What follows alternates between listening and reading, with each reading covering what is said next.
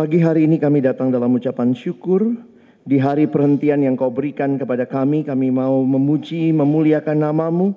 Kami telah menaikkan pujian kami kepadamu dan tiba waktunya bagi kami untuk membuka firman-Mu ya Tuhan kami mohon ketika kami membuka firman-Mu bukalah juga hati kami jadikanlah hati kami seperti tanah yang baik supaya ketika benih firman Tuhan ditaburkan boleh sungguh-sungguh berakar bertumbuh dan juga berbuah nyata di dalam kehidupan kami. Amin. Shalom. Baik, hari ini saya akan mulai dengan mengajarkan satu lagu. Siapa yang tahu lagu ini? Siapa yang baru lihat? Ih, ada lagu ini. Abang nyanyikan satu kali, lalu nanti kalian coba hayati sebentar lihat kata-katanya. Nanti kali yang kedua kita bisa nyanyi sama-sama ya. thank you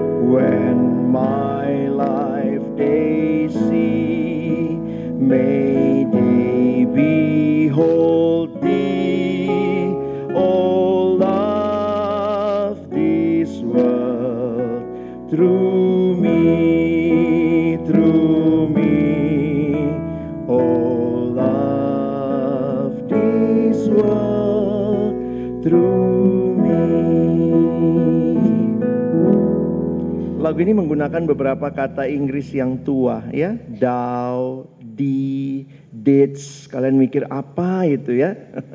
Thou itu dipakai untuk you dalam bahasa Inggris kuno. Kalau dia bentuknya subjek maka dipakai thou. Kalau dia bentuknya objek dipakai di. Jadi sama aja ya. You. Apa itu didst? Didst itu sebenarnya bentuk kedua dari do ya bahasa Inggris kuno. Kalau kalian hidup di abad-abad yang lampau. Tapi ya lagu ini karena dibuatnya dengan bahasa seperti itu. Jadi you do love through that Lord. Atau you uh, dunia itu sebenarnya bentuk lampau. Kau telah ya. Engkau telah mengasihi. Engkau telah menunjukkan kasihmu melalui kematianmu ya Tuhan.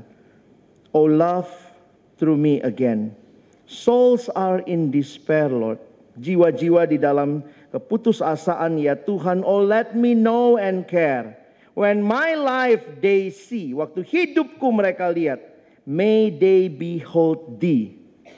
Orang waktu lihat hidup kita biarlah bukan kita yang dimuliakan. May they behold thee engkau ya Tuhan. Oh love this world through me. Ini doa sebenarnya ya permohonan.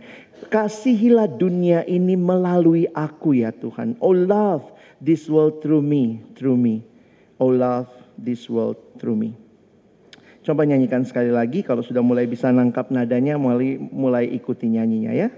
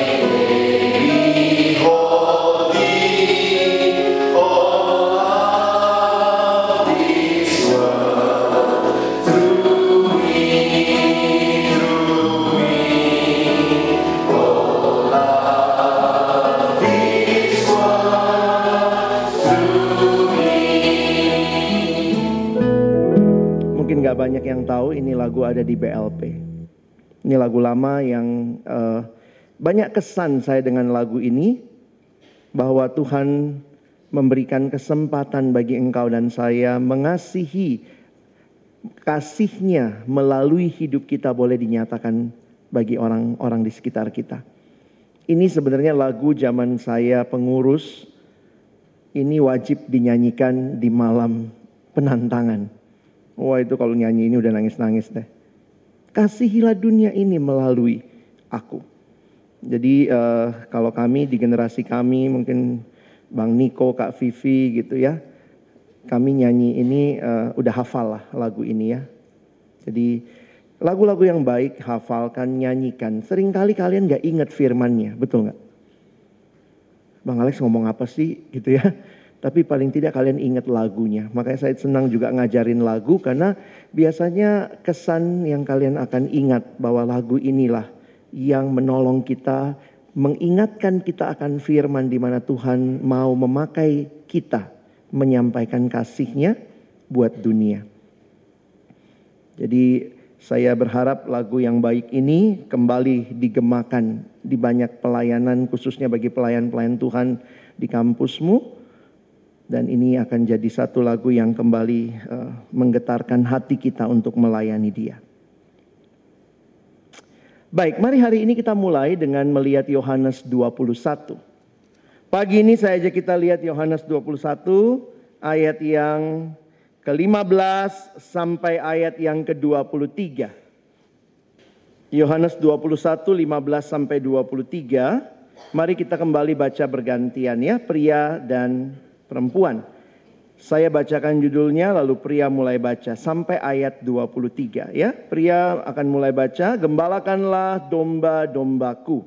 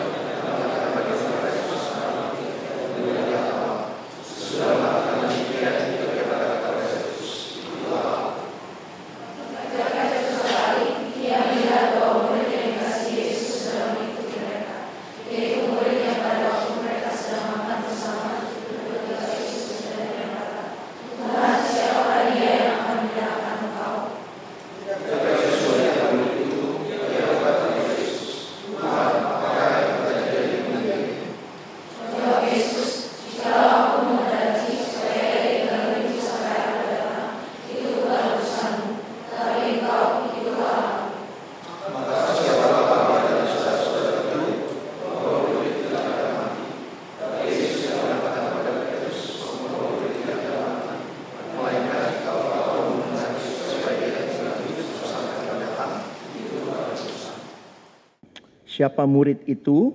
Para penafsir Alkitab sepakat ini adalah Yohanes yang menulis kitab ini.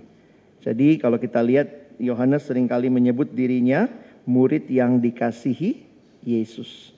Bagian ini kita bisa lihat dalam dua bagian besar. Bagian pertama yaitu ayat 15 sampai 17 ini adalah pertanyaan Yesus kepada Petrus atau beberapa bagian yang saya baca mengatakan ini adalah recommissioning of Peter. Makanya saya pakai istilah pengutusan kembali Petrus. Memang betul Tuhan mengutus murid-muridnya, tetapi secara khusus kepada Petrus ada yang namanya recommissioning atau pengutusan kembali. Lalu ayat 18 sampai 23 perkataan Yesus tentang kematian Petrus. Petrus sempat kepo ya, Tuhan Tuhan murid yang satu ini apa? Terus Tuhan kayak ngomong gitu, mind your own business gitu ya. Udah urusin aja, nggak usah kepoin orang lain gitu ya. Lalu kemudian Tuhan mengatakan jika aku menghendaki murid ini tetap hidup, maka dia akan hidup. Lalu tersiar kabar, wah nggak bakal mati nih Yohanes. Padahal kalimatnya tidak demikian. Jikalau aku menghendaki supaya ia tinggal hidup sampai aku datang, itu bukan urusanmu. Saya dalam banyak hal belajar juga gitu ya dari ayat ini. Kadang-kadang kita kepo terlalu kepo urusan orang. Ya, tapi mari kita belajar menghayati panggilan kita. Jangan pernah membanding-bandingkan diri dengan orang lain. Enak banget hidup dia. Kok jadi pengurus kayaknya nggak seperti aku. Orang tuanya ngizinin dianterin lagi. Aku dimarahin, dilarang pulang malam. Ya itu urusannya, itu bagiannya dia. Tukeran tempat pun kita belum tentu mau kan? Atau mau? Kadang-kadang saya ketemu anak remaja gitu ya, selalu bandingin yang dia nggak punya. Saya nggak punya orang tua kayak dia, saya nggak punya ini, saya nggak punya itu. Kita lupa apa yang punya kita. Termasuk dalam panggilan Tuhan, mari belajar hayati bagian kita masing-masing. Sedikit konteks tentang bagian ini, memang mau tidak mau kita harus melihat ini adalah percakapan yang terjadi sesudah kebangkitan Yesus. Jadi memang ada beberapa orang menafsirkan khususnya kalau kita perhatikan di Yohanes 21 ayat 1 sampai 14. Lihat sekilas aja sebentar ya. Yohanes 21 ayat 1 sampai 14. Jadi ini penafsir itu beda-beda waktu melihat ceritanya. Karena ada yang bilang nampaknya murid-murid ini tidak taat. Buktinya apa? Lihat di pasal 21 ayat yang kedua, yang ketiga. Kata Simon Petrus kepada mereka, aku pergi menangkap ikan. Kata mereka kepadanya, kami pergi juga dengan engkau. Jadi beberapa penafsir mengatakan, lihat tuh murid-murid kembali ke pekerjaan mereka yang lama. Jadi ini adalah konteks murid-murid yang tidak taat. Kalau saya sih waktu mikir-mikir, Benar nggak ya? Coba lihat ayat 1. Kemudian Yesus menampakkan diri lagi kepada murid-muridnya di pantai Danau Tiberias. Di mana itu pantai Danau Tiberias? Itu sama dengan Galilea. Danau Galilea nama lainnya Tiberias. Nama lainnya Genesaret. Jadi kalau ketemu itu sama itu ya. Nah, ia menampakkan dirinya sebagai berikut. Jadi Yesus menampakkan diri. Di pantai itu, ini kayak orang Batak ya, di pantai padahal danau. Di pantai itu berkumpullah Simon Petrus, Thomas yang disebut Didimus, Nathanael. Nael, kamu ada di sini Nael ya. ada Nael di sini. Dari Kana, Nathanael dari Kana yang di Galilea, anak-anak Sebedeus dan dua orang muridnya yang lain. Lalu orang lihat tuh kata Simon Petrus kepada mereka, aku pergi menangkap ikan. Wah ini kembali ke dalam hidup yang lama mereka, makanya Tuhan menampakkan diri. Bisa salah satu penafsirannya mengatakan demikian. Tapi penafsiran lain yang saya pikir juga cukup kontekstual adalah perhatikan di dalam Matius 28. Matius 28, coba lihat sebentar. Saya melihat di ayat yang ketujuh. Apa judul perikopnya Matius 28? Kebangkitan Yesus. Nah habis Yesus bangkit, lihat kalimat malaikat ayat 5.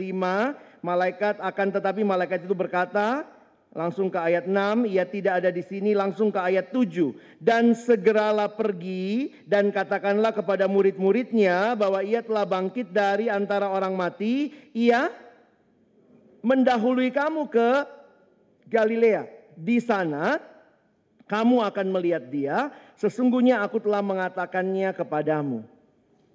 Jadi ingat ya, ini kalau kalian ngerti peta butanya, Yesus bangkitnya dari kuburan itu di daerah mana? Yesus kalau ditanya, Yesus lahirnya di mana adik-adik? Kan pandang domba gitu. Yesus lahirnya itu di Bethlehem. Coba lihat nanti peta Alkitabmu, Bethlehem itu di bawah. Yesus asal kota dari papa mamanya dari na Nasaret. Maksudnya mereka besar, akhirnya Yesus pun besar di Nasaret. Nasaret itu di utara. Nasaret di utara, Danau Galilea di utara. Yesus lahirnya di selatan, di dekat Yerusalem, kota Bethlehem. Lalu Yesus matinya di kayu salib, itu kayu salibnya daerah mana? Ciputat. Kayu salib Yesus pasti di sekitar Yeru, Yerusalem. Di mana kubur Yesus? Pasti juga daerah Yerusalem. Yesus bangkitnya berarti di mana? Di sekitar Yerusalem. Lalu malaikat bilang kepada perempuan, kasih tahu pada murid-muridnya, dia mendahului kamu ke naik lagi ke Galilea. Nah, jadi saya menghayati sebenarnya murid-murid kumpul ke Galilea kembali menangkap ikan itu bukan ketidaktaatan. Nangkap ya cara nafsirnya ya. Justru mereka mengikuti Yesus bilang balik ke Galilea, mereka nunggu di situ. Mungkin karena nunggunya lama, Yesus kan nggak ada tanda-tanda kapan mau muncul ya. Kita nggak bisa setting, muncul, muncul, nggak bisa. Karena itu murid-murid ngapain? Ya cari ikan, emang kan butuh makan gitu ya. Waktu cari ikan, nah terjadi perjumpaan dengan Tuhan di situ. Nah coba lihat ya, balik ke Yohanes 21, menarik nih ya. Ayat 4. Ketika hari mulai siang Yesus berdiri di pantai akan tetapi murid-muridnya itu tidak tahu apakah itu bahwa itu adalah Yesus. Ayat 5. Kata Yesus kepada mereka. Pasti teriak nih ya karena di pantai Yesus di pantai mereka di, di tengah gitu ya. Hai anak-anak. Mungkin mereka lihat hai gitu ya. Adakah kamu mempunyai lauk pauk? Di tengah laut ditanya lauk pauk ya. Jawab mereka tidak ada gitu kali ya. Kan nggak ada HP ya di WA gitu. Ini bukan percakapan WA. Ayat 6. Maka kata Yesus kepada mereka, tebarkanlah jalamu di sebelah kanan perahu, maka kamu akan peroleh. Lalu mereka menebarkan dan mereka tidak dapat menariknya lagi karena banyaknya ikan. Maka murid yang dikasihi Yesus itu, ini siapa? Yohanes ya. Yohanes memang eh, rendah hati dia nggak sebut namanya. Maka murid yang dikasihi Yesus itu berkata kepada Petrus. Apa kalimatnya? Itu Tuhan. Itu yang suruh kita kemari. Udah datang tuh. Itu Tuhan. Apa yang terjadi? Nah Petrus ini ya nggak mikir langsung. Ketika Petrus mendengar bahwa ia adalah Tuhan, bahwa itu adalah Tuhan, maka ia mengenakan pakaiannya sebab ia tidak berpakaian lalu terjun ke dalam danau. Ini bagi saya agak unik ya. Orang biasanya buka baju baru terjun ya. Petrus pakai dulu bajunya gitu. Mau ketemu Tuhan coy. Ya. Pakai bajunya lalu dia terjun unik juga. Saya ketawa-ketawa baca ini ya. Ayat yang ke-7, ayat 8. Nah, ayat 8. Murid-murid yang lain jadi Petrus sudah apa berenang duluan. Murid-murid yang lain datang dengan perahu karena mereka tidak jauh dari darat. Saya geli nih baca ini. Ya ilah pet, pet, santai aja coy. Dia duluan nyebrang gitu ya. Nggak jauh loh. Yang lain pakai perahu ya, set, santai. Sampai situ Petrus basah kuyup ya. Hanya kira-kira 200 hasta saja, dikasih lagi jaraknya. Nggak jauh, 200 hasta saja. Dan mereka menghela jala yang penuh ikan itu. Ketika mereka tiba di darat, mereka melihat api arang dan di atasnya ikan dan roti. Berarti ikannya dari siapa? Mereka nggak bilang Tuhan ikan ikan bakar ya. Tuhan bilang nih udah ada ikan bakarnya ya. Kata Yesus kepada mereka, tapi Yesus menghargai. Bawalah beberapa ikan yang baru kamu tangkap itu, biar ada rasanya usaha mereka kali ya. Simon Petrus naik ke perahu lalu menghela jala itu ke darat, penuh ikan-ikan besar. Nah ini ada yang hitung-hitungan. 153 ekor banyaknya. Wah ini kalau orang-orang yang agak-agak aneh-aneh dia bilang, wah 153, zaman saya SMA ini PBB. PBB dulu terdiri dari 153 negara. Jadi waktu itu dikatakan tergenapilah. Ikan-ikan itu adalah semua bangsa. Ih, ngeri juga. Wih. Begitu PBB nambah anggota, maaf, ikannya berganti. itu memang orang kalau nafsir Alkitab apalagi ketemu angka, dia pikir ini bilangan cocokologi itu bukan teologi, cocok-cocokan gitu. Cocokologi. Oh, ini bagus nih. Ini 153. Nah, ada juga penafsir yang mengatakan bahwa ini adalah 153 jenis ikan di danau Galilea. Setuju? Enggak setuju. Kalau saya cuma bilang ya ikan banyak, 153 ya. Jangan terlalu jauh menafsirkan, ya. Lalu perhatikan ayat 12. Kata Yesus kepada mereka, "Marilah dan sarapanlah."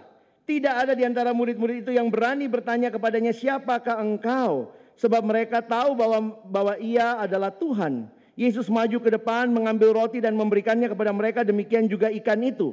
Ini itulah ketiga kalinya Yesus menampakkan diri kepada murid-muridnya sesudah ia bangkit dari antara orang mati. Jadi kalau teman-teman perhatikan, kalau saya tanya begini ya, itu murid yang bimbang atau murid yang taat sebenarnya ketika mereka kembali ke Galilea. Kalau lihat ceritanya ya pasti juga ada bimbangnya, pasti juga ada taatnya. Jadi itu adalah murid, nah saya murid yang taat di dalam kebimbangan, ya. Dia taat aja. Kita kadang-kadang nggak tahu kenapa Tuhan suruh pergi ke Galilea, nggak tahu mau ngapain. Pokoknya pergi aja dulu. Di sana mereka berjumpa dengan Tuhan. Nah, sebenarnya jadi pertanyaan kalau ini masalah menafsir ya. Kalimat Yesus sama Petrus begini. Ayat 15. Sesudah sarapan, jadi Tuhan Yesus nggak tembak sebelum sarapan ya. Salah satu cara tim regenerasi ajak makan. Baru ngomong. Jangan langsung gitu. Mau pelayanan? Tunggu dulu, lapar. Sesudah sarapan Yesus berkata kepada Simon Petrus. Nah ini kalau nama disebut pakai nama bapaknya lagi ya. Simon anak Yohanes. Apakah engkau mengasihi aku? Nah para penafsir sebenarnya agak bingung dengan lebih daripada mereka ini. Mereka itu siapa? Beberapa penafsir yang fokus sama ikan dia bilang ikan. Jadi ini kalau kalian nafsirin murid-murid itu bimbang balik nangkap ikan di danau. Jadi waktu itu Tuhan kayak nanya, Petrus, lu pilih gua atau ikan? Lu mau balik ke pekerjaan lu yang lama? Jadi ini kalau menafsir begitu kamu terima satu cara berpikir itu akan terus ke bawah ya. Kalau saya sih bilang ya mereka itu bisa ikan, kalau memang mau ikan, bisa juga murid-murid yang lain, bisa juga segala-galanya. Karena tidak ada spesifikasi. Kalau kita baca ceritanya sebenarnya Yesus tidak sedang membandingkan Petrus dengan uh, sesuatu yang nggak real. Paling dekat memang ikan. Tapi kalau lihat lagi saya melihat juga dibandingkan dengan murid-murid yang lain karena sekali lagi ini adalah recommissioningnya Petrus. Nah, silakan kalian bisa lihat uh, terjemahan atau tafsiran yang mana ya. Saya nggak dapat foto aslinya, ini kira-kira rekayasanya ya. Yesus uh, ini menarik ya teman-teman kalau kalian perhatikan Yesus itu kemungkinan atau hampir pasti lah ya. Yesus itu lebih muda dari muridnya. Petrus itu lebih tua dari Yesus. Jangan takut kalian yang muda mimpin yang lebih tua. Kalau bilang kenapa kau muda mimpin yang lebih tua? Aku niru Yesus. Kepemimpinan di Alkitab, Yesus masih muda. Seorang pembicara bahkan ngomong kemarin, ingat loh Yesus nggak sempet tua. Ya, mati umur 33. Saya masih sempat agak tua nih. Saya lebih tua berapa tahun dari Yesus. Saya agak tertekan di usia 33. Waktu usia saya sama kayak Yesus, saya lalu bertanya, apa yang sudah kulakukan? Yesus 33 udah mati loh. Kamu menjelang 33 ingat ya. apa yang sudah kulakukan gitu ya. Kenapa peristiwa ini dicatat? Ada dua constraint, ada atau ada dua hal yang menarik bagi saya. Pertama, Yesus harus kembali kepada Bapa. Ingat ini terjadi di dalam masa dia bangkit sampai sebelum dia naik ke surga. Dia harus kembali kepada Bapa. Tapi pada saat yang sama saya pikir Yesus punya hati yang begitu mengasihi umatnya. Saya pakai istilah ini. Yesus sangat mengasihi. Saya pakai istilah domba-domba tebusannya. Teman-teman lihat sebentar kisah Rasul 20 ayat 28. Saya menikmati ayat ini waktu saya menjadi pemimpin kelompok kecil di kampus saya di FISIP UI. Kami dulu karena pembicara tuh susah dicari sebenarnya teman-teman ya, tapi jadi menarik juga ya. Masa-masa susah pembicara banyak kali pembinaan regenerasi isinya apa? PA bersama. Saya ingat banget saya dapat ini waktu kami PA bersama menjelang jadi PKK. Kan kalau kalian kan sekarang ada apa-apa udah undang Bang Alex, undang Kak Ray, undang Bang Niko gitu ya. Undang staff selesai gitu ya. Zaman itu kami banyak harus menggali sendiri karena bingung lagi siapa yang mau diundang gitu ya pembicara tidak semuanya bisa. Nah, waktu PA dari kisah Rasul 20-28, saya melihat itulah peneguhan saya jadi PKK. Coba lihat ayat 28, kita baca sama-sama ya, kisah Rasul 20, ayat yang ke-28. Satu, dua, iya.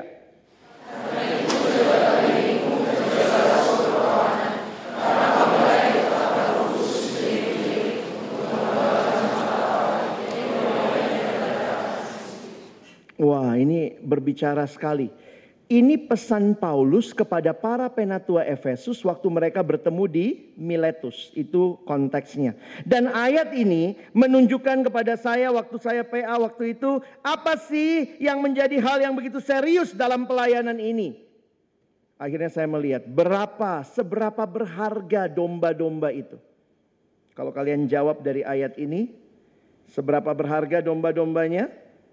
seharga darah anaknya sendiri.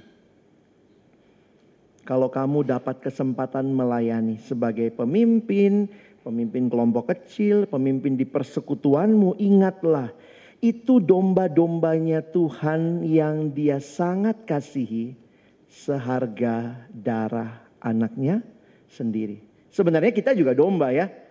Jadi kalau kita pikir-pikir uh, siapa sih pemimpin itu yang jadi gembala? Tuhan panggil gembala dari kalangan domba. Beberapa domba yang sudah lebih pengalaman dipanggil jadi gembala. Dan gembala ini diminta menggembalakan dombanya Tuhan. Yang harganya seharga darah anaknya sendiri. Saya pikir dua ketegangan ini Yesus harus kembali kepada Bapa. Dia sangat mengasihi domba-dombanya. Maka lihat, Yesus bukan one man show. Yesus memperhatikan regenerasi pelayanan.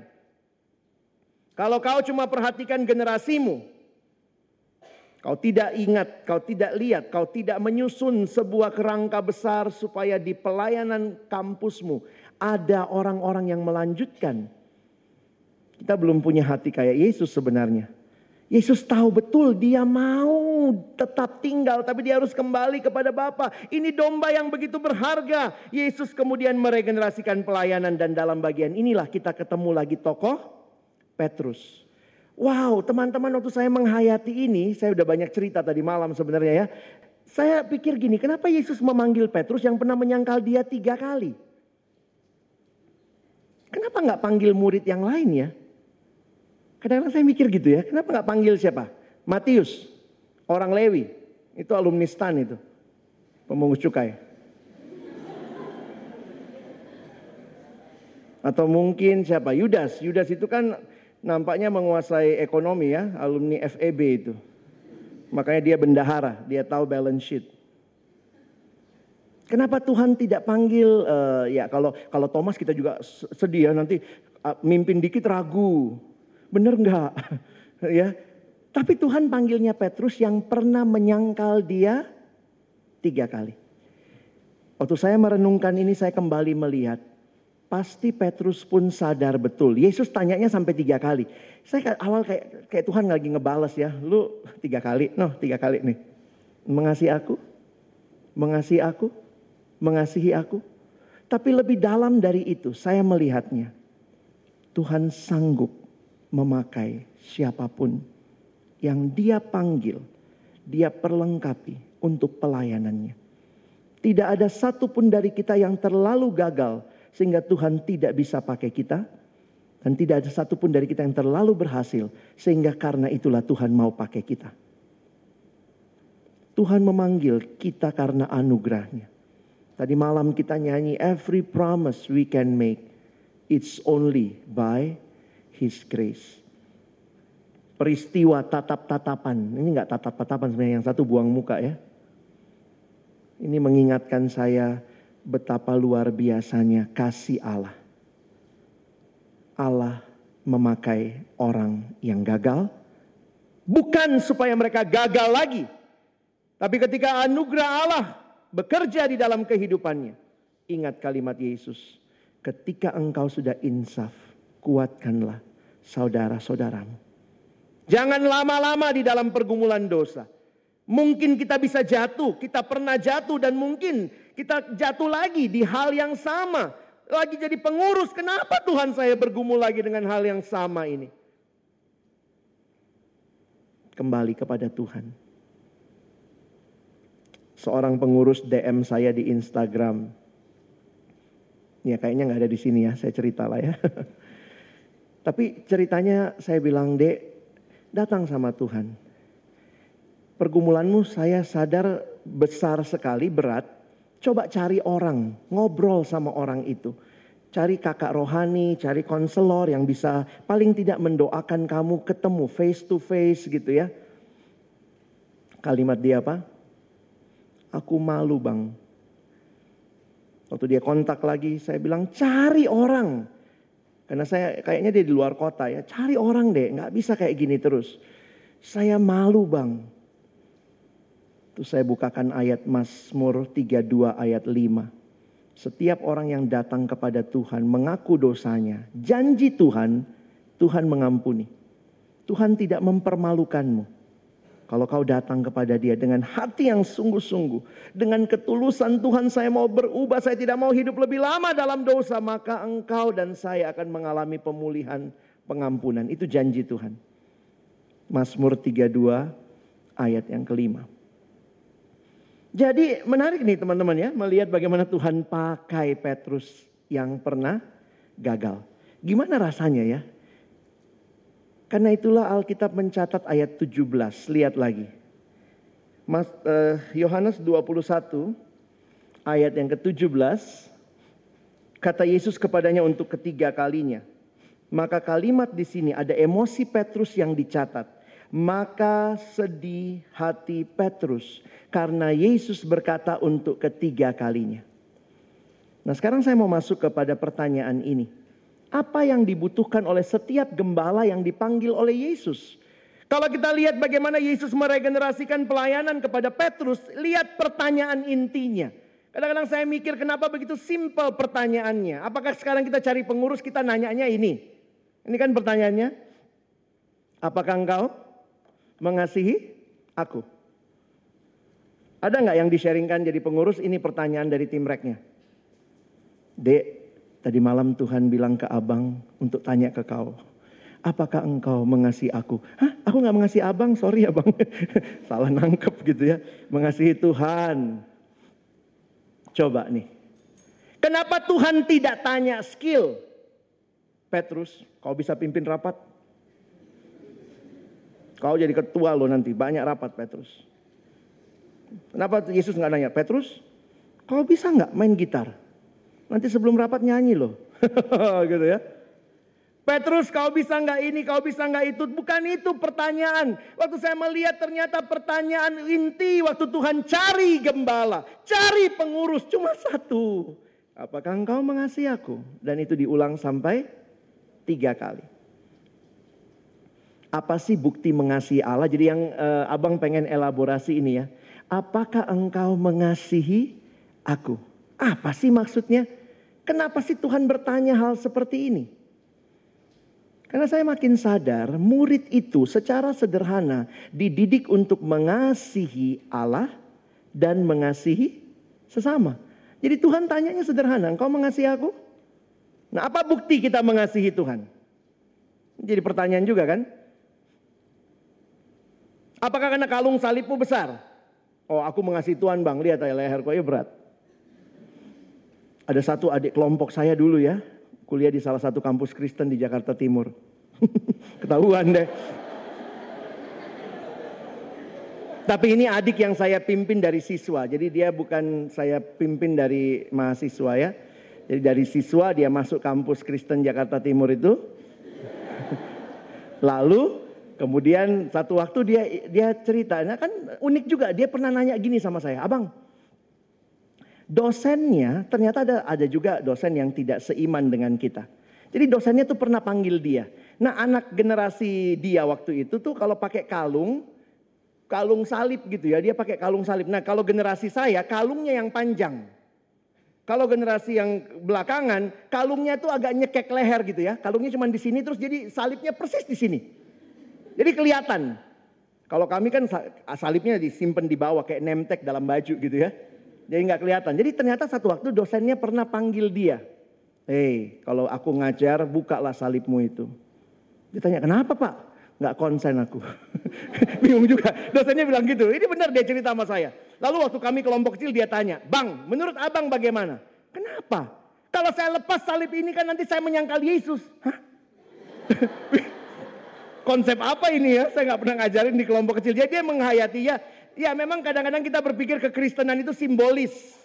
Ya, apa bukti kita mengasihi Tuhan? Apakah buktinya seberapa besar kalung salibmu? Kau pakai salib apa tidak? Saya bilang sama dia, meskipun kau ke kampus dari gerbang kampusmu, kau pikul salib masuk kampus. Kalau nyontek jalan terus malu. Jadi menyangkal tidak menyangkal Yesus bukan masalah simbolnya. Mana yang lebih penting, simbol atau apa yang disimbolkan? Apa yang disimbolkan kan? Makanya kadang saya pikir jangan sampai kita jadi Kristen simbolis. Apa bukti mengasihi Tuhan? No, itu nggak mengasihi Tuhan itu masa kebaktian. Uh, dulu ada generasi tertentu bawa Alkitab yang kecil banget itu loh. Pernah lihat yang Alkitab yang kecil banget itu? Yang saya pikir ini apa juga ya susah. Tapi pernah ada penghakiman tuh. Tuh nggak mengasihi Tuhan. Kalau Alkitabnya besar, oh mengasihi. Ih. Jadi yang paling mengasihi itu Alkitab yang besar banget di gereja itu ya. Kalau ketuk begini mati tuh yang diketuk ya. Tapi itulah ya kan generasi ini sibuk sama simbol. Saya pernah juga sering kali cerita, siswa pernah tuh bilang ke saya, abang sih kalau jadi hamba Tuhan kurang berwibawa. Hah? Saya bilang kenapa kurang berwibawa? Abang kalau bawa Alkitab biasa aja. Loh emangnya gimana? Angkat dikit bang.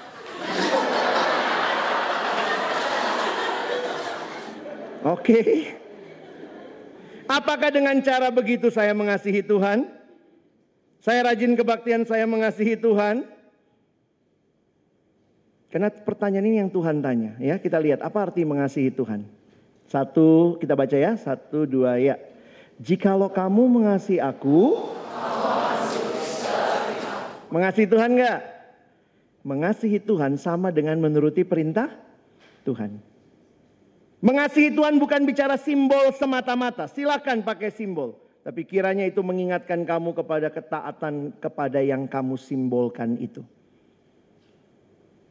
Makanya ada ayat ini ya, saya kaget juga nih. Pernah lihat ayat 1 Yohanes 5, 3 sampai 4? Kita baca sama-sama ya, 1 2 ya. Sebab inilah kasih kepada Allah, yaitu bahwa kita menuruti perintah-perintahnya. Perintah-perintahnya itu tidak berat, sebab semua yang lahir dari Allah mengalahkan dunia. Dan inilah kemenangan yang mengalahkan dunia, Kaget saya dapat ayat ini pas SMA. Kamu bisa ceklah di Alkitabmu, salah, salah ketik nggak ini? Perintah-perintahnya itu tidak berat, benar nggak sih? Ayo jujur, perintah Tuhan berat apa tidak? Hah? Berat. Berarti salah dong ayatnya. Kau bilang, ah abang salah ketik, eh cek, cek di Alkitabmu. Kalau nggak begitu, atau keluarin tip X, perintah-perintahnya itu berat. Kaget loh saya lihat ada ayat begini. Hah? Perintahnya nggak berat. Apa artinya perintah Tuhan tidak berat? Saya coba kasih ilustrasi begini ya. Sebenarnya kuncinya ada di mana? Kuncinya ada di sini. Ka? Kasih. Orang yang punya kasih akan begitu rupa menyerahkan segalanya. Tentu dengan pemikiran ini bukan cinta buta ya. Tapi memberikan begitu rupa. Contohlah, kamu pulang dari camp ini, sore nanti pulang, misalnya kamu anak mana? Binus lah, Binus ya, sorry Binus. Gerald deh. Anggaplah anak Binus.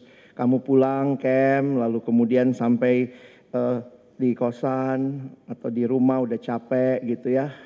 Tiduran, terus tiba-tiba ada telepon. Telepon dari begitu lihat, uh dari kekasih hati. Diangkat nggak? Lagi capek nih, ah udahlah angkatlah daripada putus. Lalu kemudian begitu diangkat, Hai gimana baru pulang camp ya? Iya pasti capek ya? Enggak, kata siapa capek? Anak muda masa capek ya? Oh, aku mau minta tolong tapi nggak enak. Kamu kan pasti lagi capek. Enggak, enggak. Ada apa? E, gini, adik besok mau ulangan.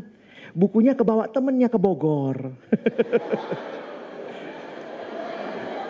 Tolongin dong. Kamu kan ada kendaraan uh, temenin aku ke Bogor. Nah, sedihnya sebelumnya ada telepon sebenarnya dari teman kampus yang tinggal deketan kosan minta tolong juga, tolongin dong. Gue lagi sakit kepala nih. Aduh, beliin obat dong ke apotik depan di depan kampus tuh tolongin gue dong. Eh, gue nih baru pulang camp, capek, banyak firman, beli sendirilah depan kampus gitu ya. Eh, abis itu pacar telepon. Sekarang abang tanya, perintah siapa yang lebih berat? Perintah pacar ke Bogor atau perintah teman beli obat di depan kampus? Kalau kita nggak punya kasih, jarak deket pun rasanya beribu-ribu kilometer. Tapi kalau kita punya kasih, nggak berat tuh. Padahal berat di ongkos tuh ya. Kadang saya mikir gitu, iya ya. Kalau saya punya kasih kepada Allah, maka ketaatan itu akan joyful.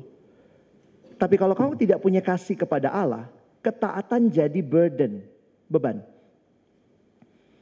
Kalau kau mengasihi Allah, kau tahu Tuhan terima kasih kau sudah memberikan seluruh hidupmu bagiku. Aku mau belajar mengasihimu. Tuhan kau tanya aku mengasihimu. Ya Tuhan aku mengasihimu. Waktu Tuhan bilang, Alex tinggalkan pornografi. Yes, aku akan tinggalkan because I love you. Tidak berat. Tapi kalau kita nggak punya kasih sama Tuhan, tinggalkan pornografi. Ih Tuhan downloadnya lama begini suruh hapus. Ada cara-cara kehidupan kita yang ternyata cuma jadi beban karena tidak ada kasih kepada Allah. Tuhan Yesus tanya, "Do you love me?" Kami pernah bikin acara siswa judulnya ini ya, cinta. Ya, bikin-bikinan lah ya, cuma ingin mentaati Allah. Jauh banget ya. Tapi ya biar begitulah ya. Cinta itu mau memberikan yang terbaik. John Stott mengatakan kalimat ini. Sebagaimana ikan dibuat untuk air, umat manusia dibuat untuk kasih, untuk mengasihi Allah dan sesama. Mengasihi Allah berarti saya taat perintahnya.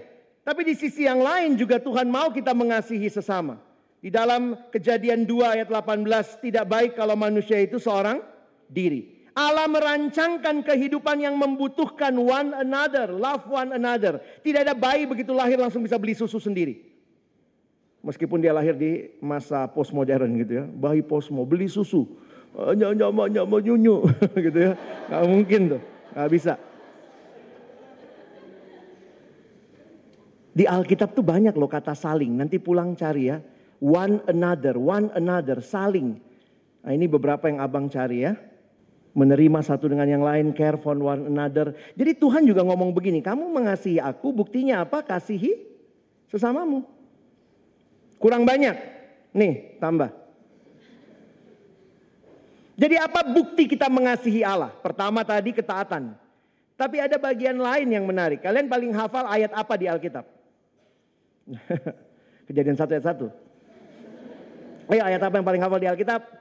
Yohanes 3 ayat 16. Siapa yang hafal? 1 Yohanes 3 ayat 16 tambah satu doang. Coba buka Alkitabmu. Oh ada ya ayat itu? Ada, buka. Coba lihat 1 Yohanes 3 ayat 16. Saya kaget juga waktu ada ayat ini ya. Banyak ayat-ayat dalam Injil Yohanes membuat saya menyadari kasih itu nggak pernah mudah, nggak pernah murah, tapi mungkin gitu ya. 1 Yohanes 3 ayat yang ke-16. Kalau teman-teman baca, saya bacakannya. Demikianlah kita ketahui kasih Kristus, yaitu bahwa ia telah menyerahkan nyawanya untuk kita. Jadi kita pun wajib menyerahkan nyawa kita untuk Logikanya di mana? Lihat ayat ini, logikanya begini kan. Kalau saya dikasih nyawanya Tuhan, dia kasih sama saya. Yang paling logis apa? Saya kasih nyawa saya untuk Tuhan. Impas kan? Dia kasih, saya kasih balik. Tapi perhatikan kalimatnya. Demikianlah kita ketahui kasih Kristus. Bahwa ia, ia siapa? Kristus telah menyerahkan nyawanya untuk kita. Jadi kita pun wajib menyerahkan nyawa untuk lihat kiri kananmu. Rela nggak kasih nyawa buat dia? Aku nggak rela sih bang, ku ambil nyawanya malah. Oh benar loh, saya baru kaget radikal banget sih perintahnya Yesus benar nih. Mau ikut aku, nyawamu. Mau kasihi sesama, kasih nyawamu. Ih, orang berpikir ambil nyawa orang, ini justru karena mengalami Tuhan sudah kasih nyawanya. Kita kasih nyawa kita buat orang lain. Bisa ya pakai ayat ini datang ke pendetamu minggu depan. Pak pendeta, matilah buat saya. Ada ayatnya pak. Bapak udah dikasih nyawa Yesus, ayo mati buat saya. Kalau pendetamu pinter, eh kau dulu dek.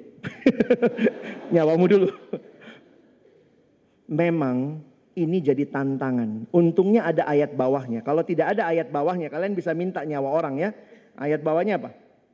Lihat 17. Barang siapa mempunyai harta duniawi melihat saudaranya menderita kekurangan tapi menutup pintu hatinya terhadap saudaranya itu, bagaimana kekasih Allah dapat tetap di dalam dirinya? Jadi Tuhan kasih limit. Kalau mengasihi sesama, maka engkau harus siap kasih nyawamu. Itu yang the top. Tapi kalau mungkin belum nyawa, tidak selamanya kan langsung butuh nyawa ya. Tolong dong dengerin aku cerita. Temanmu datang, tolong dong kasih ku telingamu. Dengarkan aku cerita. Oh nggak apa-apa, aku kasih nyawaku. Terus kau mati. Dia cerita sama siapa? Janganlah. Kalau dia cuma butuh kuping, apa kau butuh kasih kuping sama orang, kasih kupingmu. Nggak usah kasih nyawa. Makanya kalimat Alkitab menarik. Kalau ternyata dia butuhnya harta, kasihnya harta. Kalau dia berhenti di ayat 16, ngeri banget. Lihat ayat 18, ini ayat yang sering kita kutip. Ya yuk baca sama-sama. Satu dua ya. Anak-anakku, marilah kita mengasihi bukan dengan perkataan atau dengan lidah. Nah, apakah engkau mengasihi Tuhan? Dia sudah kasih nyawanya.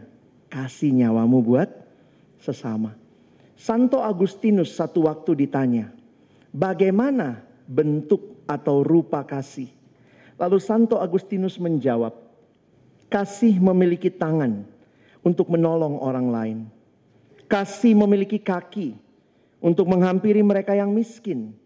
Kasih memiliki mata untuk melihat kebutuhan-kebutuhan orang lain. Kasih memiliki telinga untuk mendengar intihan mereka yang menderita. Demikianlah rupa kasih. Jadi apa bukti kita mengasihi Allah? Saya lihat ini, dua hal ini.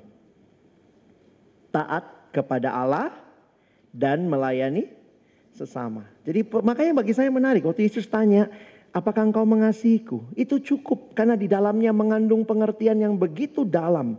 Ketaatan dengan penuh sukacita, joyful obedience to God and at the same time give your life for others.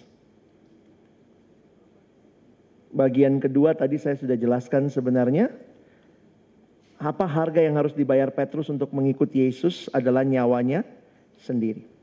Sejarah gereja mencatat Petrus disalibkan terbalik. Ketika disalib, Petrus berkata, "Terlalu mulia bagiku disalib seperti Tuhanku. Salibkan aku terbalik." Itu yang dicatat dalam sejarah gereja. Saya menyimpulkan apa saudara? Kasih sejati membawa seseorang rela menyerahkan miliknya yang terbaik, yaitu nyawa tadi, bagi mereka yang dikasihi. Jadi kayak Tuhan lagi mau ngajar. Kau mengasihiku, apa yang harus kau kasih? Nya, nyawa. Kau mengasihi sesama, give your best. What is the best of you? Nyawa. Kalau nyawa saja kau mau kasih, apalagi cuma waktu, apalagi cuma mendengar, apalagi cuma membantu mungkin uang. Karena apa? Saya punya nyawa yang mau saya kasih. Karena itu pertanyaan penting bagi setiap pelayan Tuhan. Do you love me? Kata Tuhan. Sebagai aplikasi yang menarik di sini adalah Petrus itu, Petrus apa pekerjaan awalnya? Hah? Nelayan ya? Eh, tahu-tahu jadi gembala. Karena bagian akhir dibilang, gembalakanlah kawanan domba. Teman-teman, apa yang terjadi dalam hidup Petrus? Kata gembala dan domba ini konsep kepemimpinan. Gembala yang memimpin, domba yang dipimpin berurat akar di dalam perjanjian lama. Karena itu ada seorang penulis, saya lupa kapan uh, dia menuliskan sebuah buku atau artikel dalam buku kalau saya tidak lupa. Dia menuliskan tentang Petrus. Peter from fisherman to shepherd. Dari seorang gembala, seorang uh, nelayan menjadi gembala. Begitu berkesannya pasti perintah ini kepada Petrus.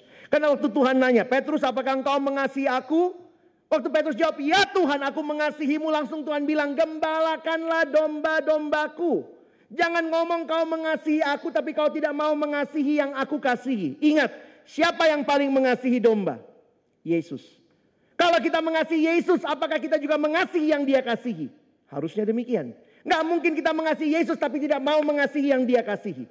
Lihat logikanya. Kalau kau mengasihi aku, kata Yesus, gembalakanlah domba-dombaku. Karena inilah yang sangat kukasihi. Aku menyerahkan nyawaku bagi mereka.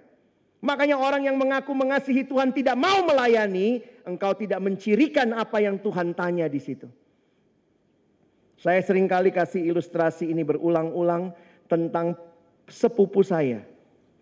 Sepupu saya waktu masih kecil lucu banget kayak boneka Jepang. Sekarang ter, terpenuhilah keinginannya dia akhirnya menikah sama orang Jepang dan memang sekarang tinggal di Jepang. Jadi karena saya lebih tua jauh, jadi setiap kali waktu dia masih kecil, namanya Peggy ya. Jadi Peggy ini lucu kayak boneka Jepang. Nah waktu itu saya sudah mulai bisa gendong-gendong. Jadi kami itu sekeluarga rebutan gendong si Peggy karena lucu gitu ya. Kita uh, gendong dia. Nah uniknya Peggy ini punya anak kecil tuh biasanya ada benda kesukaannya ya. Nah benda kesukaannya itu sebuah bantal. Bantalnya kecil tuh, saya ingat tuh bantal kecil warna biru ada gambar Superman.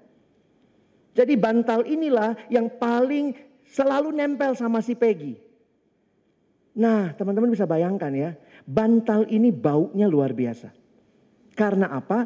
Susah sekali dipisahkan Peggy sama bantal. Beberapa kali mamanya mau cuci bantalnya, itu dia lagi tidur, diambil pelan-pelan bantalnya, begitu dia jarak 5 cm dengan bantal aja udah nangis, ah langsung tahu dia bantalnya diambil. Jadi bantal itu memang maaf agak bau ya. Bantal itu pun namanya kami semua sekeluarga memanggilnya atajing. Jangan tanya artinya apa, karena Peggy panggilnya atajing, kami semua panggilnya atajing. Jadi setiap kali dia pergi ke mana-mana atau apa selalu main Ata, Ata. Selalu ah, ya udahlah kita peluk Ata gitu ya. Dia dia peluk Atanya. Nah yang paling menyedihkan adalah setiap kali kita menggendong Peggy, Peggy lagi gendong Ata Jing. Jadi kalau saya lagi gendong dia begini Ata Jing persis di muka saya. Dengan baunya yang luar biasa. Saya nggak bisa bilang sama Peggy, Peggy saya hanya mau mengasihimu, buang atamu. Mungkin kalau Peggy waktu itu udah bisa ngomong, saya bakal buang kau. Saya tidak bisa mengasihi Peggy tanpa mengasihi Atajing. Pertanyaan Tuhan simple. Do you love me? Because if you love me, then you will love whom I love. Kalau kau kasihi aku, kau pun akan mengasihi domba-domba yang aku berikan nyawaku buat mereka. Di kemudian hari, kalimat Yesus nampaknya sangat bergema di pikiran Petrus. Di satu Petrus, dia menasehatkan kepada para penatua. Petrus dalam kondisi penderitaan, jemaat dalam penderitaan. Yang menarik adalah kalimat ini. Kata gembalakanlah, kata yang sama dengan yang Petrus jawab atau yang Yesus berikan kepada Petrus. Persis akar kata yang sama gembalakanlah. Waktu Tuhan tanya, kau mengasihiku? Ya Tuhan aku mengasihimu, gembalakanlah. Muncul lagi di bagian ini. Sehingga bagi saya ini tentunya sangat me, me, apa, mewujud nyata dalam hidup Petrus. Dia tahu bagaimana jadi gembala. Ada tiga pasang hal yang dia sampaikan. Yang pertama, lihat yang merah, jangan dengan paksa.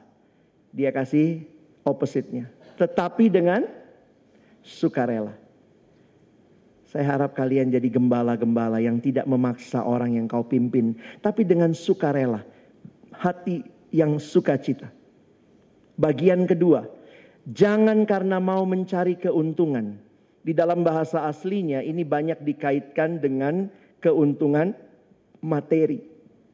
Banyak orang menggunakan dombanya untuk kepentingan dirinya sendiri. Cari untung, tapi dengan pengabdian diri. Jangan berbuat seolah-olah mau memerintah, tapi hendaklah jadi teladan. Oh ini bagian ayat empatnya ya. Apabila gembala agung datang. Jadi sebenarnya gembala agungnya tetap Yesus. Waktu itu orang kalau lomba lari dapat mahkota. Mahkotanya dari daun-daun yang diambil waktu itu, itu bisa kering. Maka dia katakan menerima mahkota yang tidak dapat layu. Ini kalimat Billy Graham. Kita baca satu dua ya. Yesus dengan teladannya menyampaikan pada kita bahwa setiap pemimpin yang sejati harus menjadi seorang penolong, seorang pelayan, atau bahkan seorang hamba budak. Ini adalah perintah, bukan saran, dan diterapkan dengan penekanan yang khusus bagi pemimpin. Kalimatnya memang perintah, baik di Injil waktu Yesus bilang kamu harusnya tidak demikian, kamu harusnya menyerahkan hidupmu. Demikian juga tadi, katanya gembalakanlah. Jadi pertanyaan pagi ini yang Yesus sampaikan, apakah engkau mengasihi aku? Jawabannya, ya Tuhan aku mengasihimu, Yesus katakan, gembalakanlah domba-dombaku. Petrus dipulihkan untuk memimpin umat Allah. Saya bertanya pada diri saya sebagai refleksi. Seandainya titik-titik ini diganti dengan namaku. Alex, apakah engkau mengasihi Yesus? Apa jawab kita? Kalau engkau berkata, "Ya Tuhan, aku mau mengasihimu." Biarlah pujian love this world through me menjadi jawaban kita kepada Allah. Kasihilah Tuhan dunia ini melalui aku. Mari kita nyanyikan kembali lagu ini. Mari mulai hayati kata-katanya, mulai nikmati setiap melodinya, jadikan sebagai doa kita. Love is all through me, love.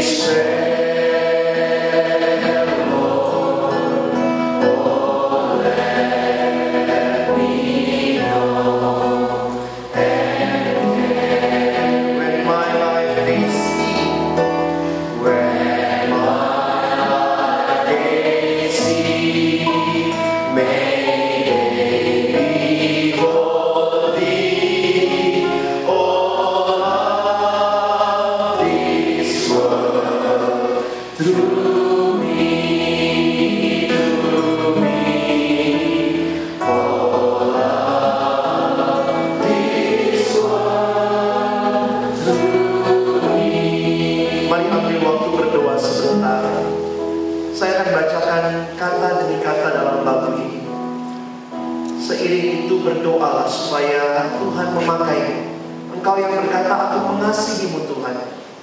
Biarlah engkau menjawabnya dengan kasihilah dunia ini melalui ku Tuhan. Love this world through me, Lord. This world of broken man. Down this love through that, Lord. Oh, love through heaven Souls are in despair, Lord. Oh, let me know and care when my life they see, may they behold thee. O love this world through me,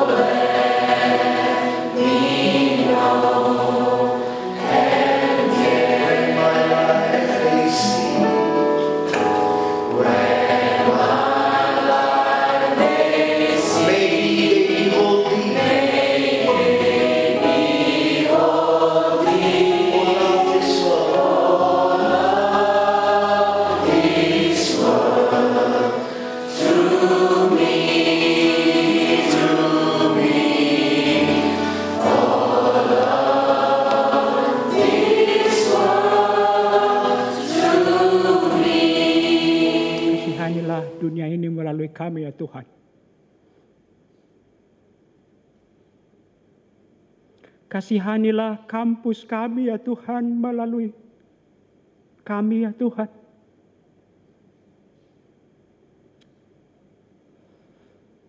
Kami telah menikmati ya Tuhan bagaimana Allah mengasihi kami.